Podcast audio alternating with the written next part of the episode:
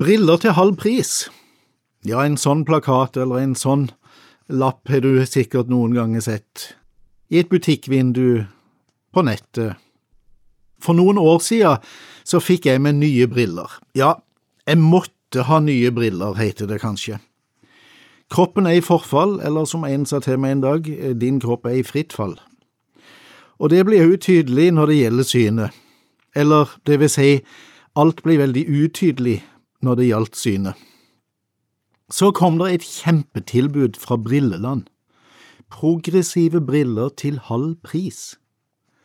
Med undersøkelse, synsprøve og greier. Tida var inne for å slå til, tenkte jeg.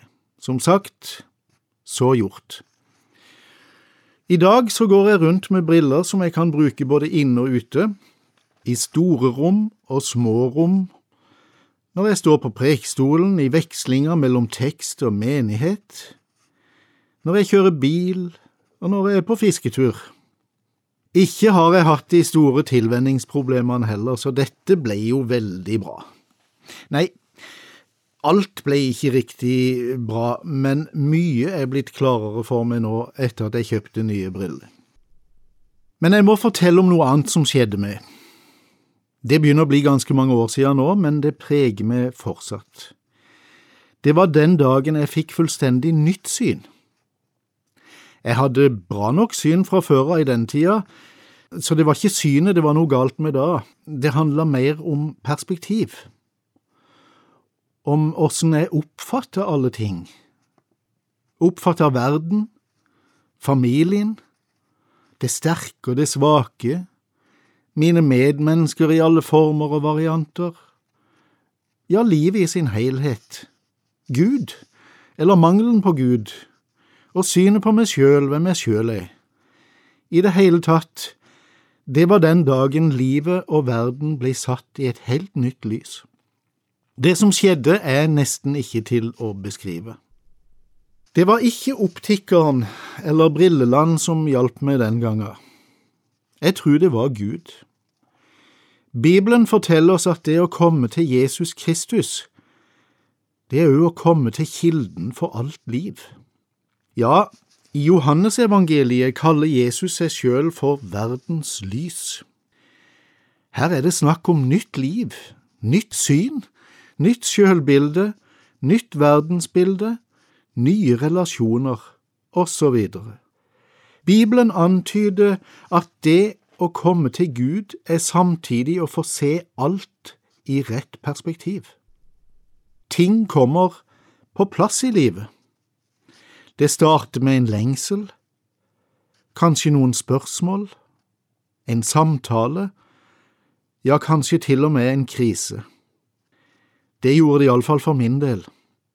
Og så kom dagen da jeg slapp han inn i livet mitt. Da fant jeg Han som har lett etter meg lenge, Han som har skapt oss. På en måte så er det som jeg sa i den forrige andakten, det er som å komme hjem. Når mitt syn, ja hele livet, endrer seg så radikalt, på så kort tid, gjennom mest av alt å høre og lese Bibelens gode nyheter, som jo ordet evangelium betyr, så fant jeg jo ut at dette må jeg jo være med på å bringe videre til andre, til mine medmennesker. Dette er det beste som har skjedd meg, dette må andre òg få del i. Og jeg har fått se det igjen og igjen.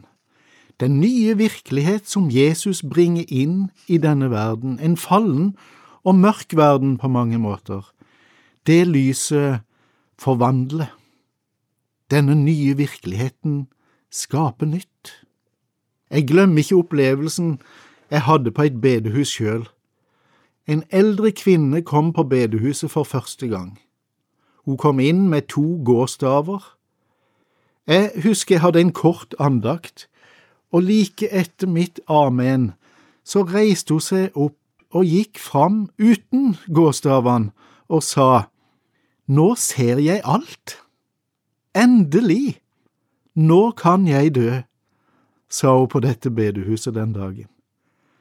Og vet du, to–tre uker etterpå så gikk hun, nei, ikke bort, men hjem. Men det er ikke bare enkeltmennesker som kan få lyset på denne måten. Hele samfunnet har endret seg etter at noen fikk synet.